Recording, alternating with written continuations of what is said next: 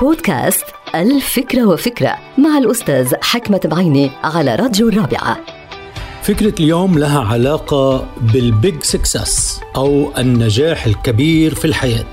هناك عدد كبير من الناس اللي بيعتقد أن الحياة هي عبارة عن تنافس يومي منافسة دائمة ضد الآخرين. يمكن في بعض الحالات تكون ضد الآخرين ولكن النجاح الكبير يعتمد ليس على المنافسة الدائمة ضد الآخرين ولكن المساعدة الدائمة والتعاون الدائم مع الآخرين. في وجهات نظر متعددة حول هذا الموضوع ولكن هل من الأفضل أنه نحن حقيقة نشتغل على نفسنا لحتى ننجح ضد الآخرين أو نشتغل مع الآخرين لنوصل لأهداف معينة بالحياة؟ صراحة هناك عدة قضايا ممكن الواحد يستفيد منها حتى يوصل إلى تنافسية فيها نوع من التعاون مع الآخرين وفيها نوع من المساعدة للآخرين. بصراحة إذا أنت بتشتغل مع الناس الإيجابيين في الحياة تبعد عنك الناس السلبيين في الحياة يكون عندك أوبجكتيف هدف مساعد ومساهم في تنمية مجتمعية دائمة وليس على حساب الآخرين